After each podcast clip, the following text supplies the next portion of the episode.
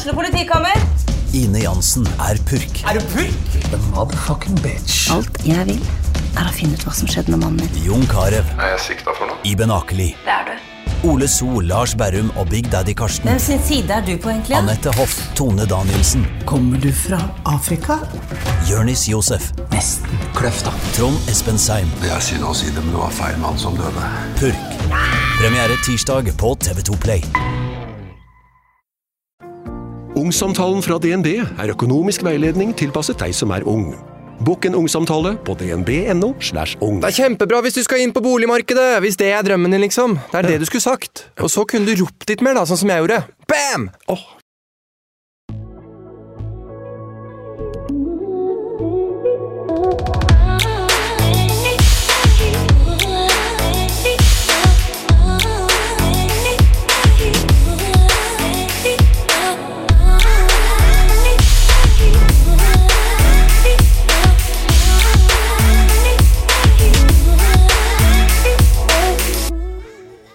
I tingsrätten dömdes influensen Abbe Blattelito Al-Saadi till 18 års fängelse för att ha mördat sin tidigare flickvän genom att injicera henne med en dödlig dos av det narkotikaklassade läkemedlet Tramadol när hon låg i badkaret.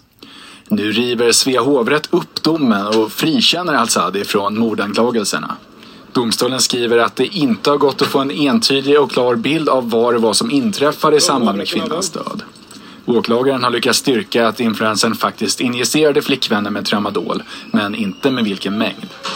Eftersom kvinnan tidigare tagit tramadol på eget bevåg är det inte ställt bortom rimligt tvivel att hon själv tagit drogen även i samband med sin död, resonerar hovrätten.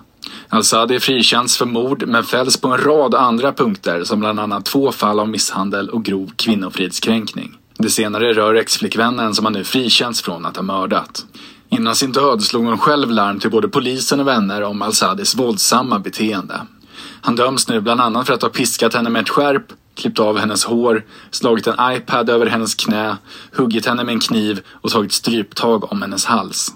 Abbe Blattelito Al-Sadi döms nu sammanlagt till tre år och sex månaders fängelse.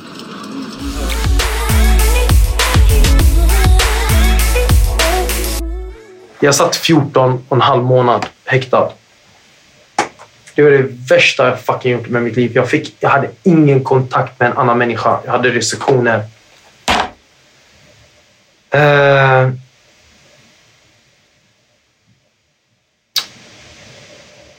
ja, vad ska jag säga? Jag försökte kämpa för min, för min rättvisa i alla fall. Jag, jag var... Jag försökte skada mig själv. Jag försökte samtidigt... Jag skadade de som är runt mig, personalen och sådär. Jag satt ett halvår isolerad på en madrass på golvet utan kudde, bara ett täcke. Utan TV. Det enda jag hade är ett litet hål i väggen så jag kan ta en liten kopp vatten som jag pissade i. Samtidigt mitt rum luktar piss. För att du måste trycka på för att personalen ska komma. I deras ögon så var jag en, ett svin, en horunge. Så att jag kunde ringa på för att gå på toaletten. Det kunde ta flera timmar. Det kunde gå sex, sju timmar. Jag ser hur de kommer, tar ut andra, släcker lampan på mig och skiter i mig. Jag var så dåligt behandlad på häktet. De slängde in min mat. Eh, så att... Som tur så, lite senare, efter ett, några månader, fick jag börja prata med psykolog och sådär. Och det hjälpte mitt psyke lite bättre. Men jag kommer ihåg att jag satt... Alltså, alltså, jag hade ingen tv, jag hade inga tidningar, inga böcker, ingenting. Jag gick runt och pratade med mig själv. Jag, blev, jag tappade det helt mentalt. Ehm. Efter åtta månader som går, alltså, det finns, alltså jag ska ut. De har inte hittat ett vapen, de har inte hittat... De har sagt till mig, din telefon har varit uppkopplad där. Jag har sagt till dem, wifi. Det har varit, jag har inte varit i lägenheten. De vet att det finns inga, jag har inga nycklar. Det finns sms-underlag varje gång hon har kastat ner nyckeln. Eh, hon har inte svarat på mina sms. Jag har inte fått någon connection med henne. Dörren var låst, nycklarna låg i hennes väska, porten var oskadd. Bara att telefonen var borta och de vet att de har gjort ett misstag och släppt in mig i lägenheten dagen efter. Så att eh, de har haft åtta, nio förhör med mitt ex. De försöker på alla sätt bara, ah, har du sett honom eh, eh hantera tramadol hit och dit? De har gett henne ledtrådar vad mitt ex har dött över. Så, dött av. Så man ser det om man går igenom polisförhören, hur de ger henne ledtrådar. Och det där får man inte inom polis. Ja. Sen efter 8-9 månader så kommer hon in och berättar en historia. Bara, jag vet vad som hände. Och det här har jag läst efteråt. Så bara, jag vet vad som hände. Jag... Bara, ja, berätta då. Ja. Eh, han har erkänt det för mig, säger hon. Han har erkänt det här för mig. Och det här tar de med, med mig. Så bara, jag, bara, jag har inte erkänt någonting, inte jack skit. Jag har erkänt varje, alltså allt. Alltså, du vet, när du lever i en våldsam relation, du minns inte slagen, du minns inte alla utbrott du har fått. Sådär. De har bara lagt upp det framför mig, där hon har skrivit till sina tjejkompisar. Det här gick sönder idag, jag har fått ett blåmärke, sådana grejer. Min advokat sa till mig, erkänn ingenting. Du, jag tar ut dig från misshandeln också.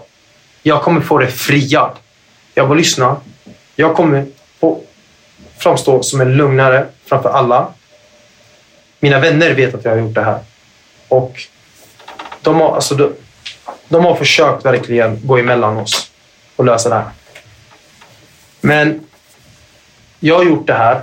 Jag måste ta ansvar. Jag måste lära mig en läxa. Jag måste bort från det här livet jag lever i. Stressen. Jag kan inte gå ut för jag, då, då kommer jag fortsätta.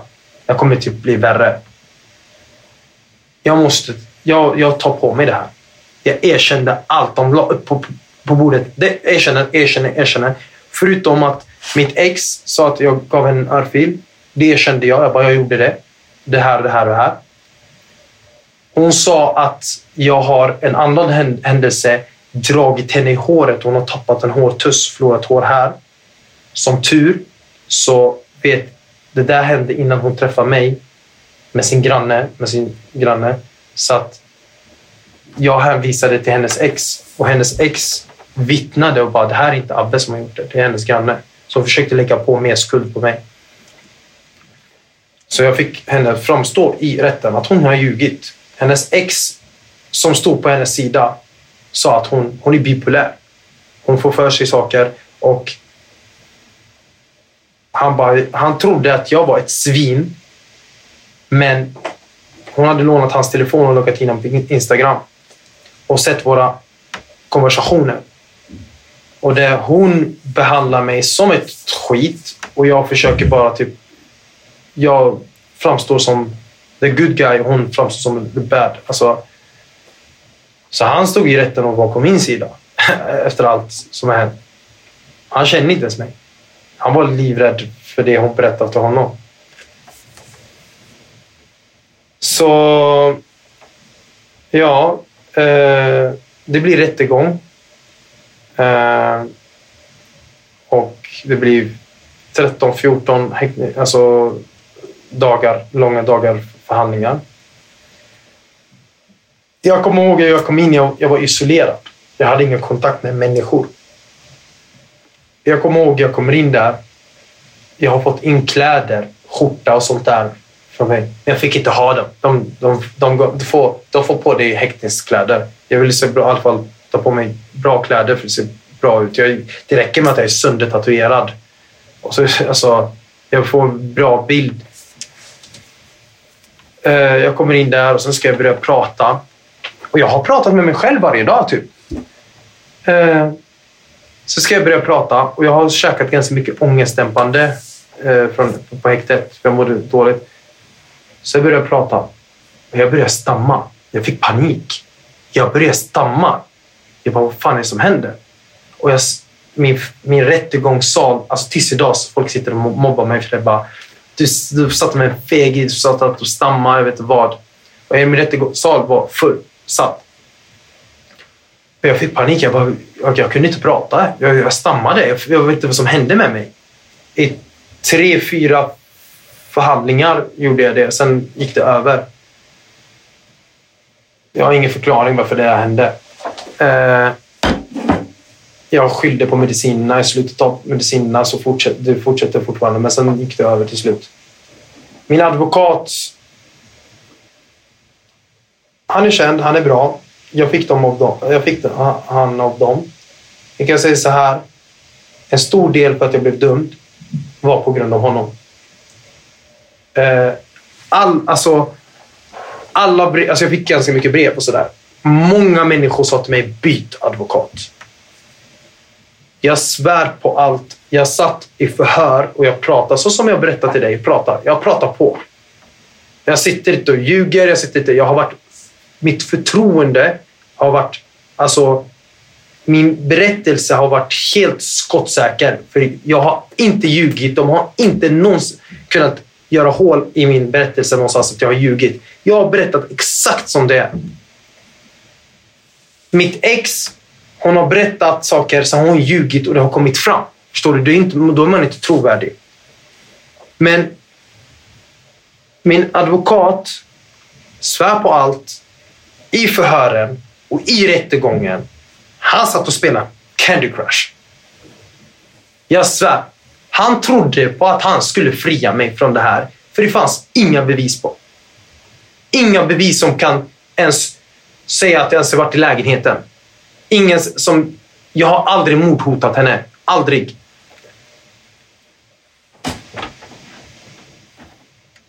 Och... Han sa till mig att jag skulle fria mig från vapenbrott. Inget, de har inte hittat ett vapen. Så att, um, Alltså... Han, han sket i hela... Alltså han, han körde på sin bledering. Hans blädering var skitbra. Men han, han, alltså jag kommer ihåg att jag skrev till honom vad han ska säga, hur han ska få höra vittnen.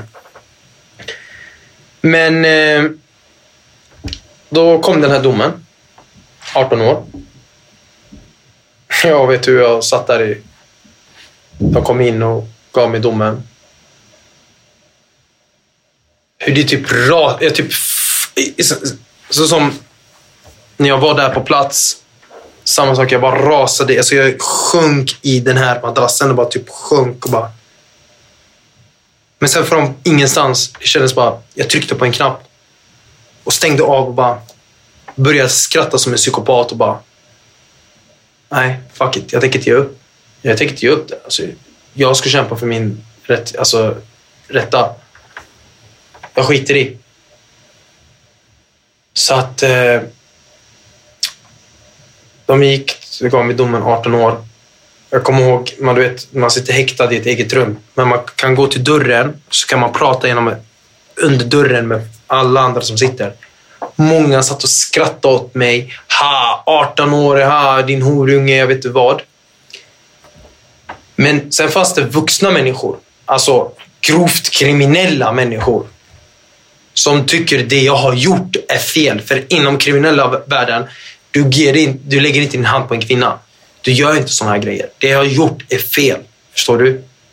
Alltså jag har varit där, där tjejkompisar har kommit fram till mig och bara den här killen har slagit mig eller den här killen har försökt våldta mig. Då har jag tagit mina vänner och gått och bötfällt honom och gett henne pengar och tagit pengar till oss själva. Man bötfäller sådana människor. Här, man gör inte som en kvinna. För polisen kan inte göra någonting. Hälften av våldtäktsfallen och misshandlarna går inte, igen, alltså, går inte igenom till rätten. Och vi har lekt poliser och typ bötfällt människor och gått på människor. Vi har aldrig, vi har alltid trott på kvinnan och bara typ gjort såna här grejer. Det är utpressning. Men, och så sätter jag mig alltså jag gör den, den handlingen som jag alltid tyckt fel. Och de här människorna säger till mig, lyssna, jag bryr mig inte om dig, jag skiter i fan vem du är. Men seriöst, byt advokat. De har också hört om mitt fall och sådär. De har bytt advokat och säger de till mig. Jag trodde på min advokat. Han, skulle, han trodde på hans ord. Han var mitt, min värd. Jag hade bara kontakt, kontakt med honom.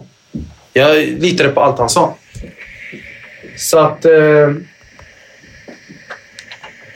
jag bytte advokat till eh, en väldigt känd advokat som hade som hade ASAP Rocky.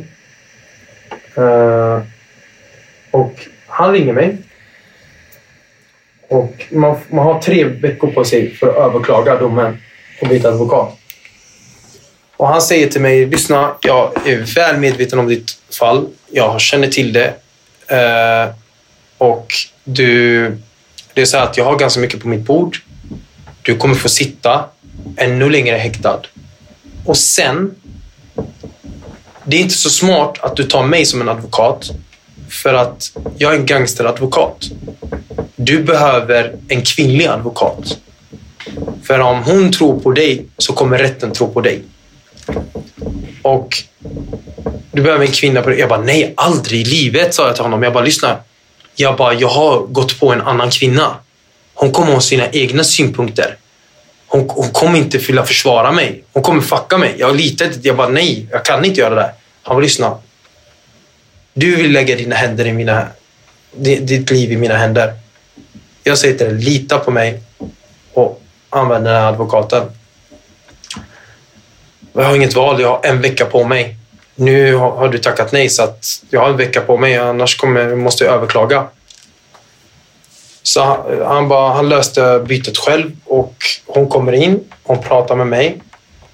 Och sen eh, hon bara, jag ska gå hem och läsa dina papper och sånt där. Hon kom in bara en halvtimme och pratade med mig, ville se. Och sen åkte hon hem och läste, gick igenom allting. Kom tillbaka veckan efter och bara... Hon bara, jag ska få ut det härifrån. Och hon sa det bara till mig. Alltså jag kommer ihåg, jag bara rös. Håret bara. Hon bara, jag ska få ut dig härifrån. Så jag bara... Alltså inte som att hon säger till mig, ska sänka straffet eller någonting. Så hon bara, jag ska få ut dig från härifrån. Det här är, det här är helt sjukt. Ditt fall är bara sjukt. Hur polisen har jobbat, hur utredningen, hur allting. Och för säkerhets skull, för att inte hon skulle missa någonting, så hade hon en assistent. De gick igenom varenda grej. Det, alltså, slasken, det är det som inte är viktigt. De gick igenom det. Alltså det här är flera tusen sidor. Eh, min hovrätt kommer. Jag mådde bra. Hon kom och besökte mig varje vecka. Det gjorde inte min advokat innan. Bara för att checka till hur jag mår och för att jag ska kunna vara stabil.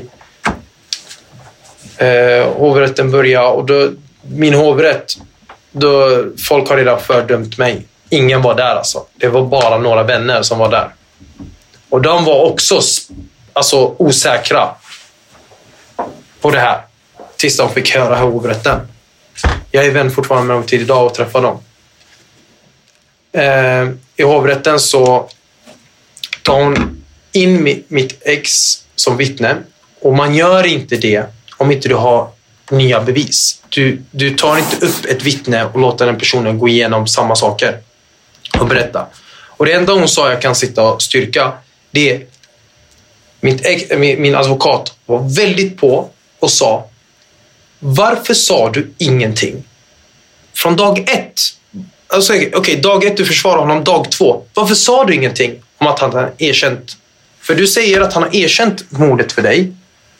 Och sen i tingsrätten när du får läsa papperna så säger du att han har eh, eh blandat ihop tramadol i en kastrull och sen, som de säger i dokumentären, och bara varför har du inte sagt det här innan? Nej, men jag var rädd för honom. Jag var rädd för hans vänner, säger hon. Ja, men ändå berättar du om vapen, affärer och grejer han gör som kunde ge honom flera års fängelse. Men du berättar inte när hans ex, angående hans ex. Hon blir arg, hon spricker. Hon bara... Jag kommer ihåg det. Jag kommer ihåg det, alltså det här händelseförloppet. För att hon blir så arg. Hon bara... Ja, men jag hade inget val. Polisen ringde mig varje vecka och sa att han kommer komma ut och jag står på tur och han kommer komma efter mig. Och då ser jag hur åklagaren sänker huvudet mot bordet och lägger handen sådär. Domaren skakar på huvudet och jag får värsta leendet. Och så, jag kollar på hennes familj och bara, ja, där ser ni, där ser ni. Typ, alltså jag kollar på hennes familj. För jag, alltså, jag bara, jag har inte gjort det här. Och så domaren bara skriker mot mig och bara, ja, ha lite respekt, flina inte. Och då var hennes vittnesmål färdigt och sen tog de in hennes läkare som har, erkänner att hon har haft självmordstankar, att hon har eh, mått dåligt. Hon har fått ut mediciner som hon har tagit ut förutom sista månaden. Och som sist som allt. Jag blev dömd för det här mordet för att de två överdoserna som hon har gått, fått har hon sagt till sin familj som försvar, för jag har gått och sagt till hennes familj, eran dotter knarkar. Jag är inte bara den skurken i förhållandet. Då har hon gått och sagt till sin familj att jag har tryckt i henne de här tabletterna. Så att... Och de har... Alltså, jag var ute i fem dagar. Det här rubricerades, tills idag har det här rubricerats som självmord, olyckshändelse, mord. Då har hennes familj sagt det är han som ligger bakom det här. Det är hans. Jag förstår dem. Jag, jag, har, jag förstår dem fullt och hållet. Alltså, de har förlorat en dotter. Man vill ha en syndabock. Jag är syndabocken. Jag har gjort resulterat att det har gått så här långt. Jag har fått henne må dåligt. Jag har fått henne gå igenom ett helvete. Jag har varit ett svin, ett äckel. Det, det, allt det där är mitt fel, men det finns en gräns vad, alltså... Skitsamma. Så att min advokat gjorde det enklaste som finns. Hon tog upp sms-konversationer som finns i förundersökningen som min, advoka, min förra advokat sket i. Hon tog upp det.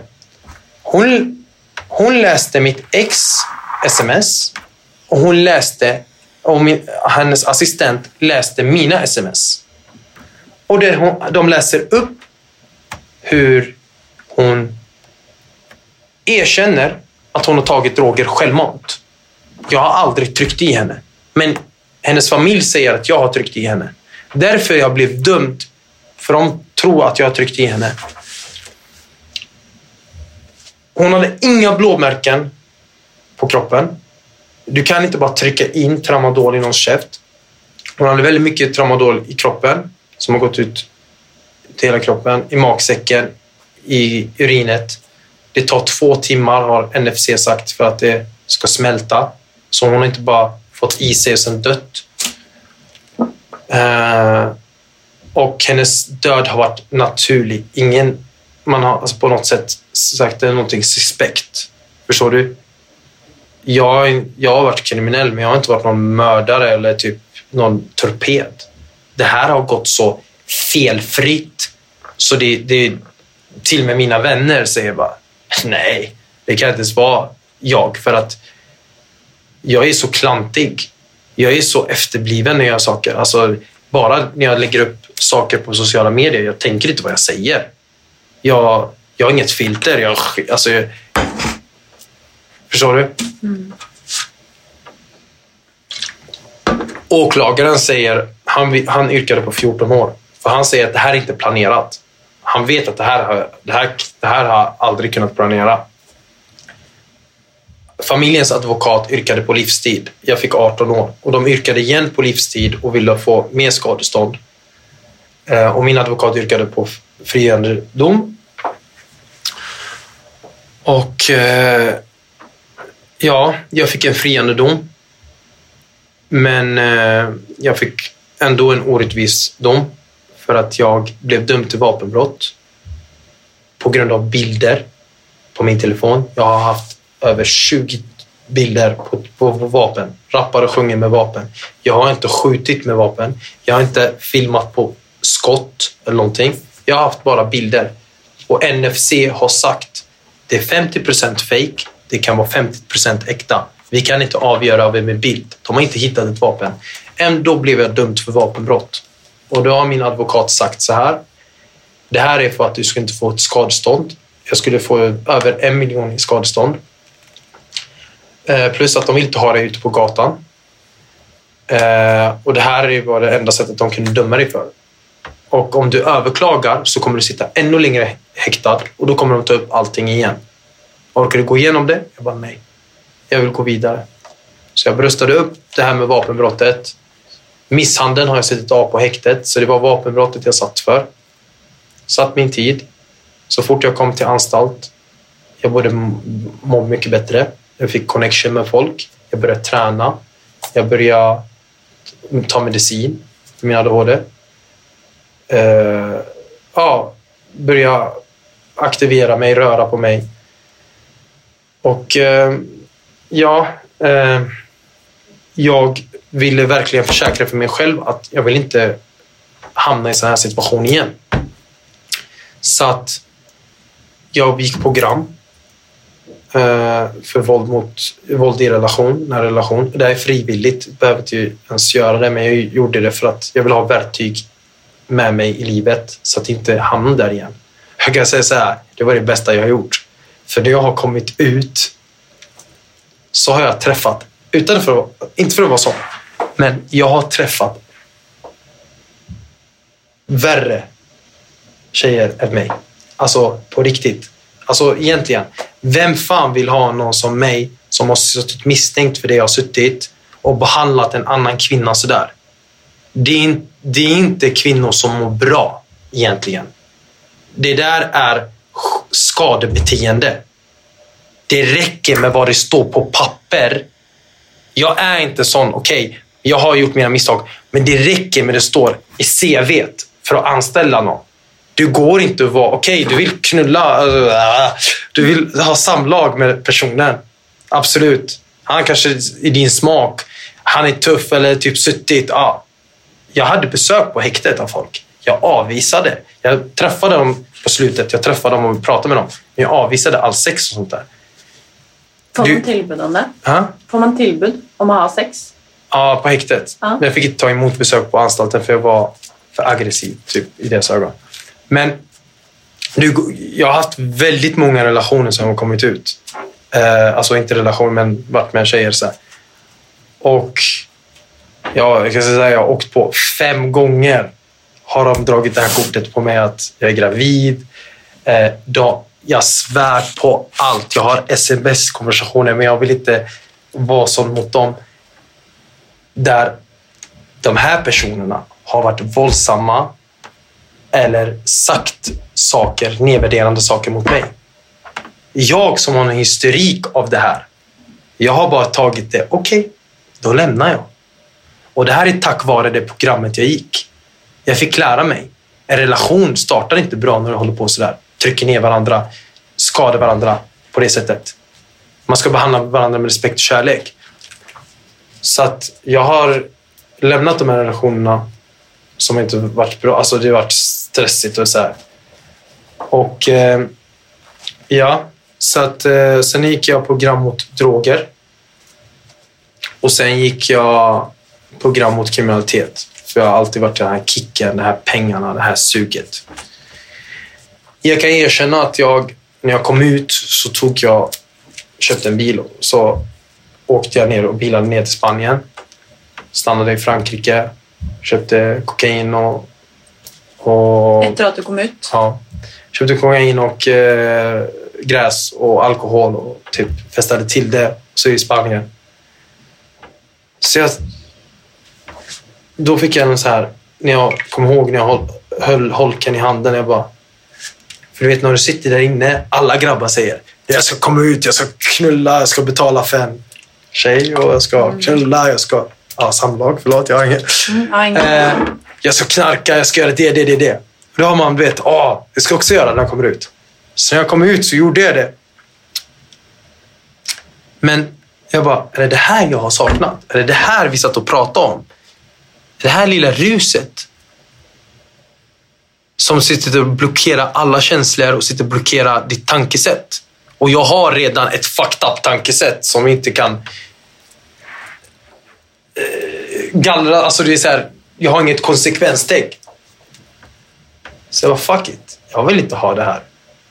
Så jag slängde skiten, det jag köpte på mig. Sen har jag varit nu i fyra månader då. Inte rört någonting, varit ren. Eh, och Jag kom tillbaka till Sverige. Jag har fått ganska mycket som folk skrivit på Flashback och sådär. Han vågar inte komma till Stockholm, han vågar inte komma till Uppsala, han vågar inte visa sig. Så jag har velat hävda mig, du vet. Så jag har visat mig och gått runt. Jag har haft folk runt mig, vänner som har stöttat mig. Sen har jag blivit så mycket, fått så mycket luft och bara ingen kan göra någonting mot mig. Så har jag gått ensam och sådär eller lite varit sårbar. Inte varit för, innan så hade jag så hade åtta, nio stycken vänner runt mig och provocerat, lagt med guldkedjor och sånt där. När jag kom ut jag hade så mycket ilska i mig. Jag ville bara gå in i alla, ha, hatare. Som 6 9 Jag visste inte vem 6 9 var innan. Men alla skrev bara, du är som six, Sveriges 6 9 typ. Jag ville bara gå in i allt och alla. Jag ville bara provocera, hetsa så som jag gjorde innan. Jag bara gick in i allt och alla. Det är så jag blev känd. Jag bara, fuck it. På, på en vecka fick, alltså på, så fort jag startade min Instagram, jag fick 50 000 följare och sådär. Så jag bara, fan. Det här jag gör inte rätt. Jag är inte samma person. Det här är en fasad. Alltså till och med mina vänner börjar störa sig och säga till mig, vad håller du på med? Du, du vill bli typ dödad. Du, du sitter och hetsar folk. Till slut kommer någon komma fram och klippa dig. Du är typ... Alltså, jag känner... Jag visar ingen sympati eller typ till... Jag bara hetsar och typ får folk hata mig ännu mer. Och det har hänt lite händelser som... Och jävlar, vi har pratat i tre timmar. Herregud. Ingen fara. Var babbla på alltså. Men, nej. Men eh, så det har hänt sex händelser sen jag kommit ut. Mm. Det är typ en gång i månaden. Jag har blivit jagad. Jag har åkt bil så jag har blivit jagad med två bilar bakom och med vapen. Eh, försökt köra ifrån dem en kvart in i stan. Sen har polisen kommit för folk har ringt polisen. Som lyckas komma därifrån. Hänt en händelse i eh, Göteborg där jag är ifrån Göteborg. Jag har aldrig haft problem. Jag, när jag har gått dit har jag gått runt med guldkedjor och vänner runt mig men så har jag fått för mycket luft och gått själv till en förort. Och där de kommer till bilen och jag kommer ut och tror att jag är tuff. Jag kan slåss mot tre personer så jag blivit påhoppad av flera personer. Och då har de filmat det. Och det enda jag försökte var vara tyst, inte göra ett ljud från mig. De trodde jag var död. De ryckte guldkedjan från mig och det enda de sa ja, att du är här, att jag är i deras område. Och de gjorde det här för att kedjan och att jag var i deras område. Men sen lägger de upp på sociala media och nämner den här personen som har dött för att få sympati och få bli lite folkkära av människor och bara ah, “bra jobbat”. Så skriver de en text “det här är för dig”. Men jag hörde ingen på videon, hör man ingenting om henne. Man hör bara “ja, du är på vårt område” och den här med kedjan och sådär. Som tur hade änglavakt. Jag kom undan, tio personer hoppade på och stampade på mig. Inte en enda skråma. Sen en annan händelse var en byhåla, en bonde. Alltså det är en by verkligen så här, kanske typ 70 000 människor bor där. Jag var där för att träffa en tjejkompis med en vän. Och kommer en massa raggare och försöker skrämma bort mig därifrån. Och det, eh, polisen blir inblandade. Så det blir lite våldsamt framför polisen. Eh, sen, eh, ja, sen har det hänt ett par till händelser. Så att, alltså, ja. Eh, Hvordan vil du at livet ditt skal være nå? Hur vil du at ditt liv skal se ut? Nu? Framover? Alltså jag försöker hålla mig borta från all kriminalitet. Och, alltså du fattar inte. Alla som har jag suttit med, som har kommit ut. Jag satt på Salberga och Hällby.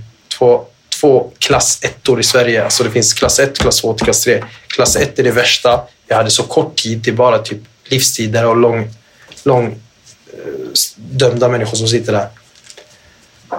Eh, alla de som har kommit ut, de har tagit kontakt med mig. Folk som inom kriminella världen har tagit kontakt med mig för de vet att jag har varit driftig, driftig och gjort pengar. De har velat göra, jag har fått sådana erbjudanden. Jag har tackat nej till allt. Jag bara, jag vill inte hålla på med någonting med fiffel, med fiffel. Jag vill just nu bara leva mitt normala liv. Sen starta upp någonting. Jag har fått lite bra människor runt mig som har velat, alltså, som har det bra ställt, som vill investera i mig. Så jag kan komma upp i mina ben, på mina ben. Eh, lite affärsidéer som jag kommer starta upp. Det är lite det här med corona, sätter stopp för allt. Mm. Eh, jag håller mig borta från droger. Jag går och sköter mina möten till frivården. Jag går just nu, jag har gått tre program på anstalten. Just nu går jag ytterligare ett program för att förbättra på mig själv. Det är alltid bra att förbättra på sig själv. Det är som att gå utbildningar på jobbet. Du, du jobbar, du har fast anställning, men du går på, på en utbildning för att förbättra dig själv. Men ja, jag umgås bara med några vänner. Jag har åkt runt i hela Sverige och träffat folk och sådär. Jag har fått folk som har kommit fram till mig och velat ta bilder och sådär. Jag har folk som har skrivit till mig som har bara sagt jag hatade dig. Jag, jag hade så mycket hat mot dig för det som du har gjort och sådär och så. Vilket svin du var innan. Men sen när jag har suttit mig och läst igenom allting och sånt där. Alltså tjejer, killar. Det spelar. Alltså det finns en anledning varför jag har ganska mycket för. Jag har över 300 000 mä- människor på mina so- Snap som följer mig. Men det är ganska mycket hatare också. De vill bara se vad som händer runt mig. Jag har ganska mycket människor som skriver till mig varje dag. Alltså det är bara... Kan du förstå det? Att de hatar? Ja, men absolut. Men som du ser, det här är så jag har suttit med dig. Vi kan... Du ser det här allt blåa. Mm. Vi kan bara gå in... Eh, bästa, du typ... Alltså, folk skickar kärlek och sådär. Men det hjälper inte när man... Jag går i en galleria och någon vill komma och få lite följare på sociala medier för de har blivit en våg hata Abbe och hoppa på mig. För när det finns pedofiler, våldtäktsman ute i samhället, begår samma brott och jag har gått ut med att det jag har gjort är fel. Jag står inte bakom det. Jag skäms över det. Jag har betalat för, för det jag har gjort. Jag har erkänt och jag har suttit av mitt straff. Och pissa på min grav om jag kommer göra en sån situation, alltså det här igen. Jag bryr mig inte om deras kärlek eller att de ska bry sig. Men det tycker jag har gått lite över gränsen där folk har... Alltså, jag har varit på gatan och slagits och haft döden runt hörnet hela tiden. Jag har inga problem om någon kommer och hotar mig eller hatar på mig eller att jag hamnar i en situation. Men varför ska du sitta och komma och filma det bara för att få följare? Du sitter inte och gör det här för att du sitter och är moralpolis. Du gör det här, det har blivit det här 2021, 20 Alla gör det här för sociala medier. Jag hoppade på honom, förstår du? Eh, tyck om mig, typ. Eh, ja, Tycker du att du förtjänar den kärleken som du får? faktiskt inte. Jag undrar också på om borde folk och liksom tjejer vara rädd? Borde jag vara rädd för dig? Alltså, du har suttit med mig i tre timmar här. Har du känt dig rädd? Nej. Nej. Och mina vänner. Och vissa tjejer säger till mig att jag tycker det är skämmigt. Jag vet, pratar på här, men de säger att jag är någon äh, äh, typ jättegullig nallebjörn, jag vet inte vad, hit och dit. Men jag har mörka sidor. Jag har en ilska i mig. Jag har gjort saker. Förstår du? Och jag är rädd för mig själv. Vad jag är kapabel till. Vad, hur det kan, på, från noll till hundra, hur det kan bara eskalera. Alltså, Gör det att du är rädd för att typ skulle skaffa kärste, alltså flickvän igen? Kärste. ja, det, alltså jag har träffat ganska många och sen jag kom ut.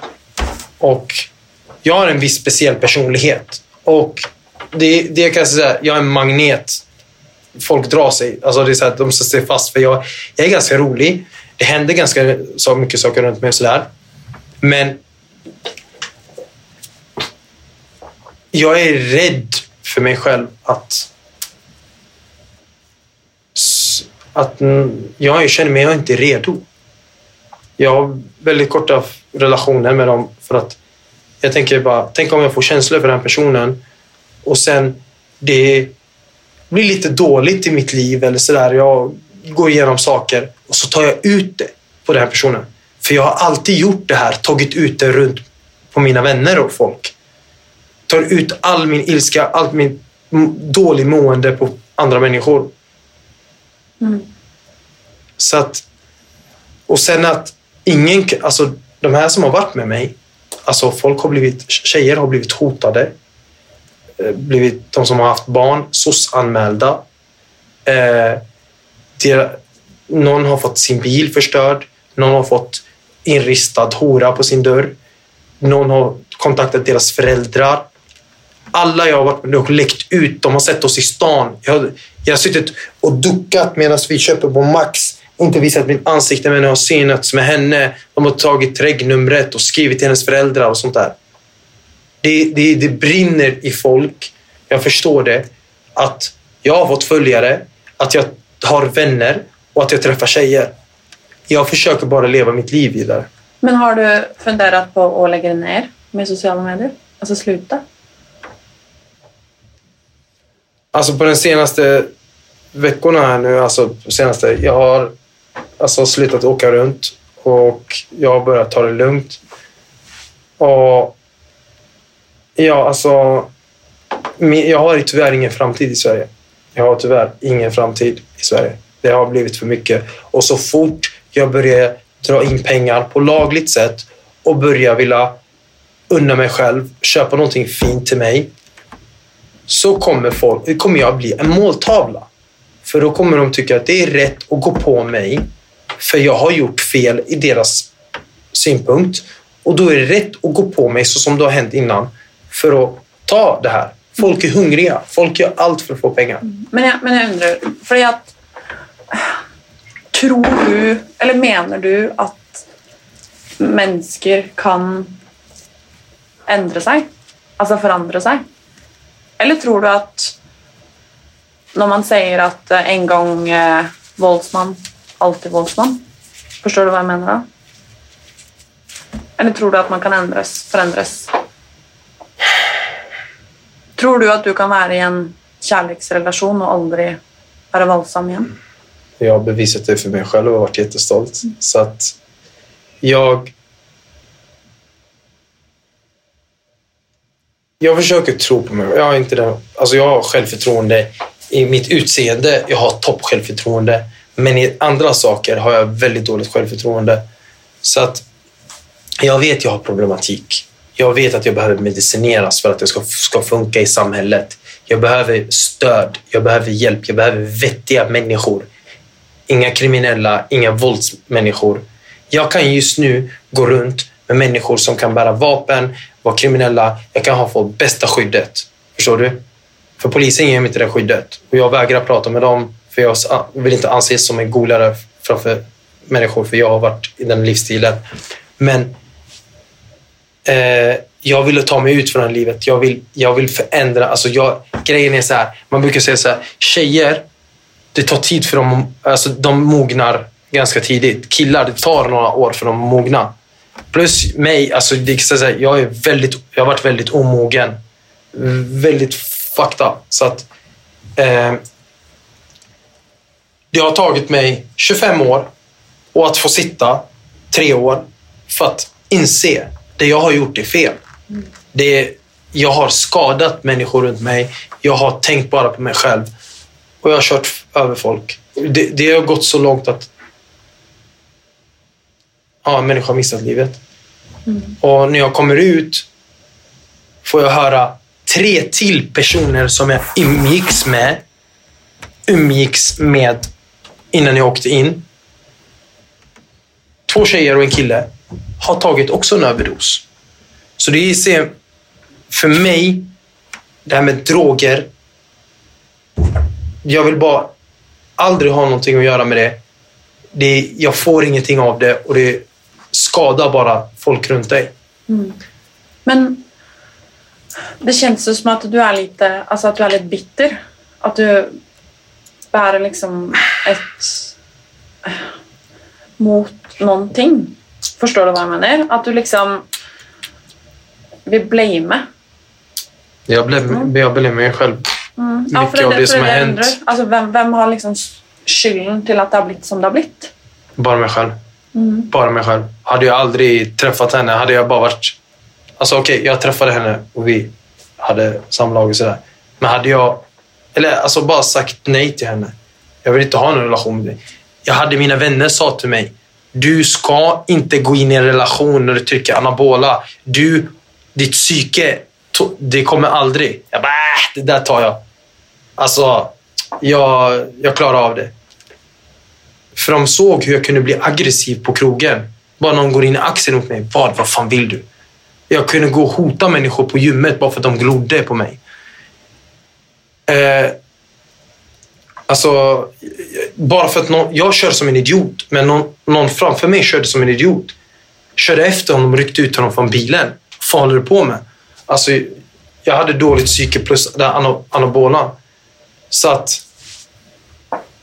Och jag skyller jag absolut mycket på anabolan, men också på mig själv.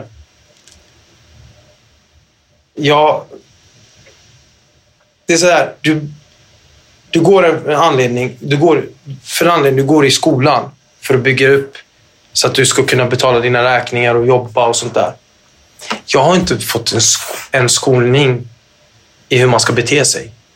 Jag har varit som barn, flyttat runt och varit med kriminella och våldsbegärda människor. Haft våld sedan jag var barn mot mig. Sen haft, alltså du vet när du sitter inne en SIS-hem, det är våld varje dag. Folk slår på varandra, personalen slår på dig. Det, det är inte normalt. Jag har haft våld i mitt liv var, vardagligen. Så det är så här, det har varit en vanesak.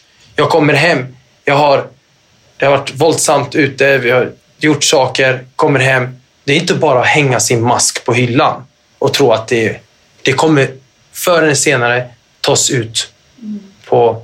Och jag säger så här till alla som, okay, som lyssnar och sådär.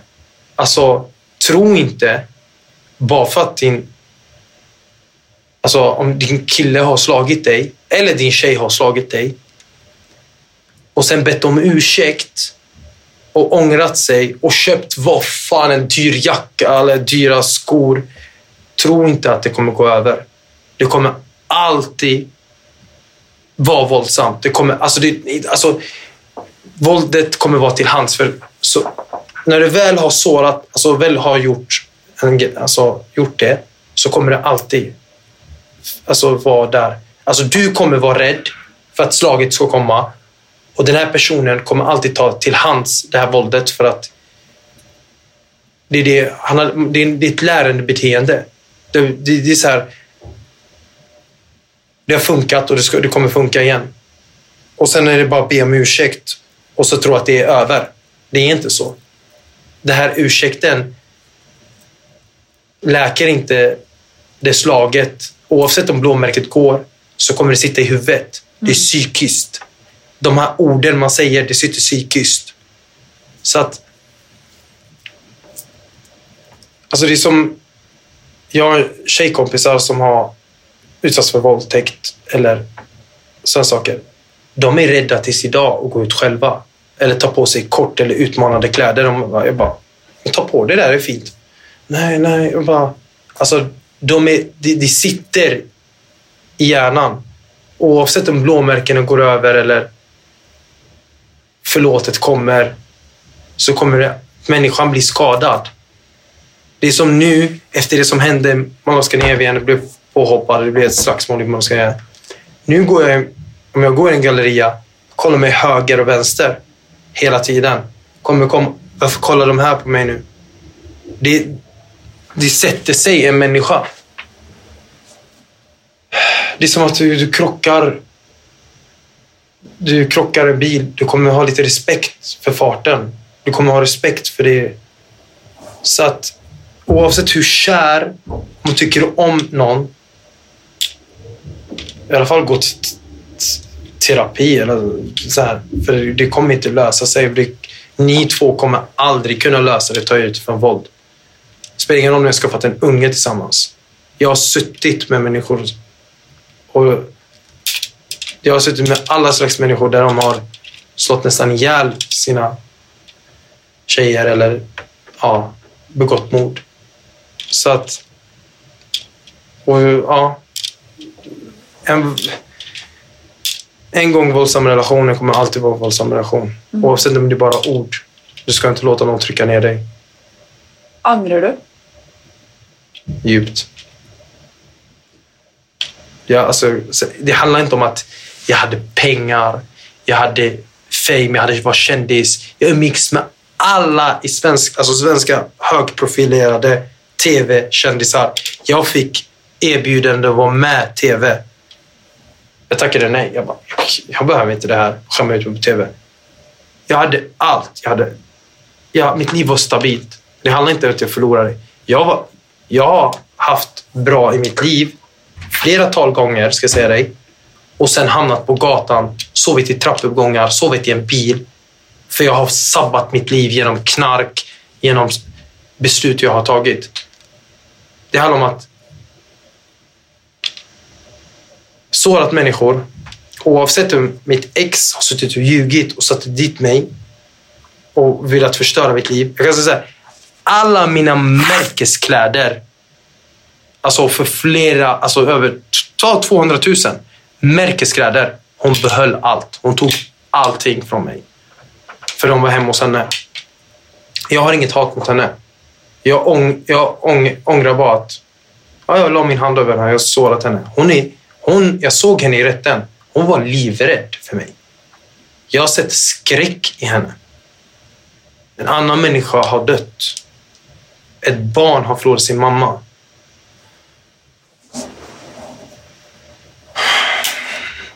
Så att, ja.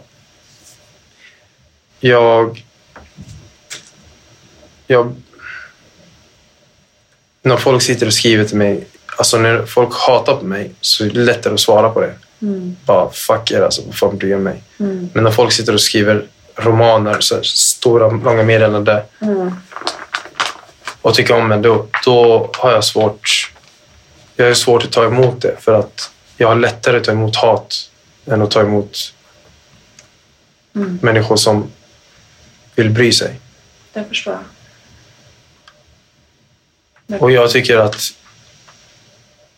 allt är självförvållat. Det man gör, om du kör fort och förlorar ditt körkort, det är självförvållat. Det är inte någon annans fel. Om du, det jag har gjort, inte...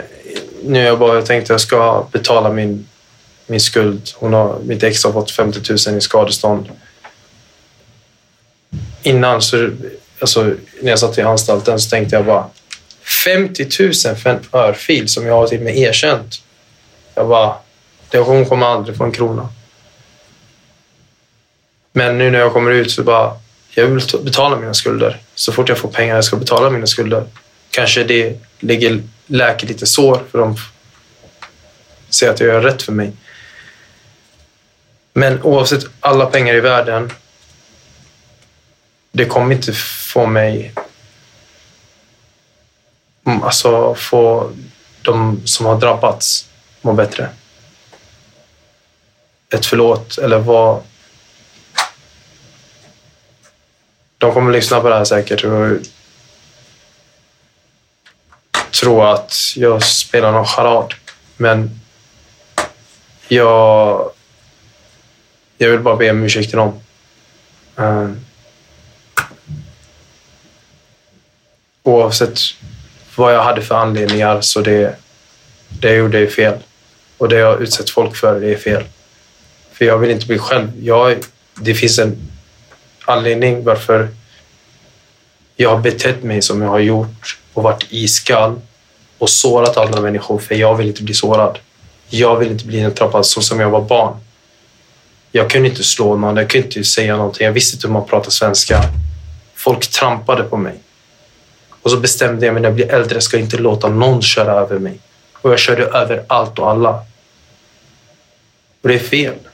För alltså, Istället för att jag var mobbad så mobbade jag folk.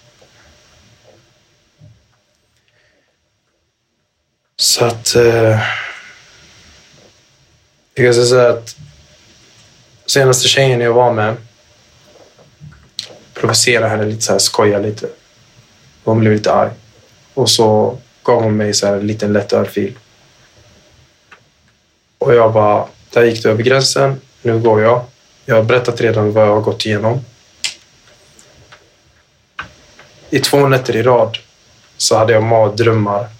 Och, och, och det, jag trodde jag hade gått över det här. Det har gått tre år. Jag gick igenom händelseförloppet som jag, genom mitt ex. Där hon säger till mig saker. Och där hon sitter och säger det här är ditt fel. Så, så att... Det är en anledning varför jag är så jävla rädd att gå in i en relation. För att jag vet få flashbacks. Saker så här, man sitter i bilen, du vet, man sitter och lyssnar på musik. Kommer det någonting som man har med sitt ex. Något, så rädd att jag kommer spåra ur. Tänk om jag gör samma sak. Jag tar straffet. Jag tog mitt straff som är, så det, det är busenkelt. Alltså, det, är så här, det är dagis att sitta i Sverige. Det handlar inte om det. Alltså, det, är, det är lyxhotell. Du får den bästa maten. Alltså, betald hyra, ditt rum. Du sitter och betalar. Alltså, du får lön och tv på rummet och allting. Du sitter med människor och aktiviterar dig och äter god mat. Det handlar inte om det. Det handlar om att man vill inte sabotera för andra människor. Alltså, det här är människor som har tyckt om dig. Det är folk som har brytt sig om dig. De som har väl öppnat sig för dig, du har trampat på dem. Mm. Er det något du vill säga? En sista ting? Jag ber om ursäkt för allt jag har gjort. Och jag hoppas verkligen, jag, vill inte, jag bryr mig inte om människor ska sitta och ha sympati eller åh, det, det är inte synd om mig någonstans. Jag förtjänar det som har hänt. Jag har gått runt och provocerat och jag har gått runt, åkt från stad till stad och velat att det ska hända mig saker. Jag har gått ut på sociala medier och lagt upp guld med sånt. Det som har hänt mig, det är självförvållet. Det jag har satt mig själv i, det jag har gjort, mina handlingar, allt. Det jag bara önskar, det är att flera andra människor, så som jag var glad över att när jag slutade knarka skrev människor till mig att de har slutat knarka för att jag gjorde det. För om jag kunde göra det så kunde de att flera människor tar lärdom av min berättelse, av min historia och tar sig ut ifrån den våldsamma relationen de sitter i. Eller att aldrig sätta sig själv i en sån situation. För det är många, oavsett om du aldrig varit med om det, du kommer träffa någon som kommer ta ut det här på dig själv, alltså börja dricka alkohol eller må dåligt själv kommer ta ut det på dig till slut. För man mår inte bra när man skadar en annan människa. Mm. Antingen din uppväxt eller ditt mående. Eller... Så att, ja. Så jag hoppas bara någonstans folk tar... Kolla vad som hände med mig. Jag hade allt. Jag förlorade allt genom vara jag, en, en människa. Alltså, fan människa, alltså i min sits. Hade pengar, hade vänner, var känd, var omtyckt alltså av många.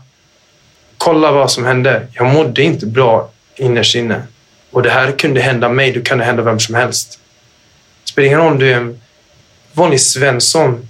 Alltså, som inte håller på med droger eller knark. Det, det, det kan hända vem som helst. Och, och det är oavsett Alltså det... Det är fegt. Det är fegt. Att göra på det sättet. Vi spør ofte om varför hon inte forlater han, och jag tror det är på tide att vi begynner å spørre hvorfor han slår. Vold mot kvinner är ett samfunnsproblem.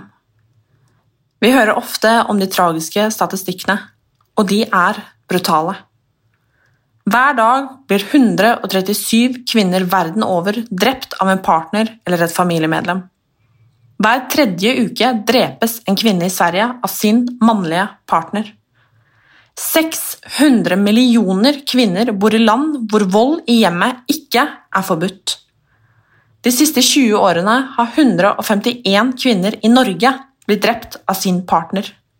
Var fjärde kvinna i både Norge och Sverige har blivit utsatt för en eller annan form för våld. Och då spør jag mig, hur många har varit våldsutövare? Hur många är våldsutövare? För om 137 kvinnor världen över blir drept av en partner eller ett familjemedlem dagligen, så betyder det att vi har 137 drapsmän. Så var Många är våldsutövare. Om du är utsatt för våld i nära relationer eller är bekymret för en du är glad i, kan du alltid ringa VO-linjen i Norge på telefonnummer 116 006 116 006, Och du kan ringa Kvinnofridslinjen i Sverige på 020 50 50 50 020 50 50 50. Det är aldrig din feil. Det er aldri for sent. Det er alltid hjelp å få.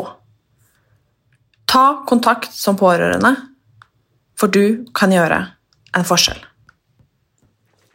Og hennes navn, det var Annie.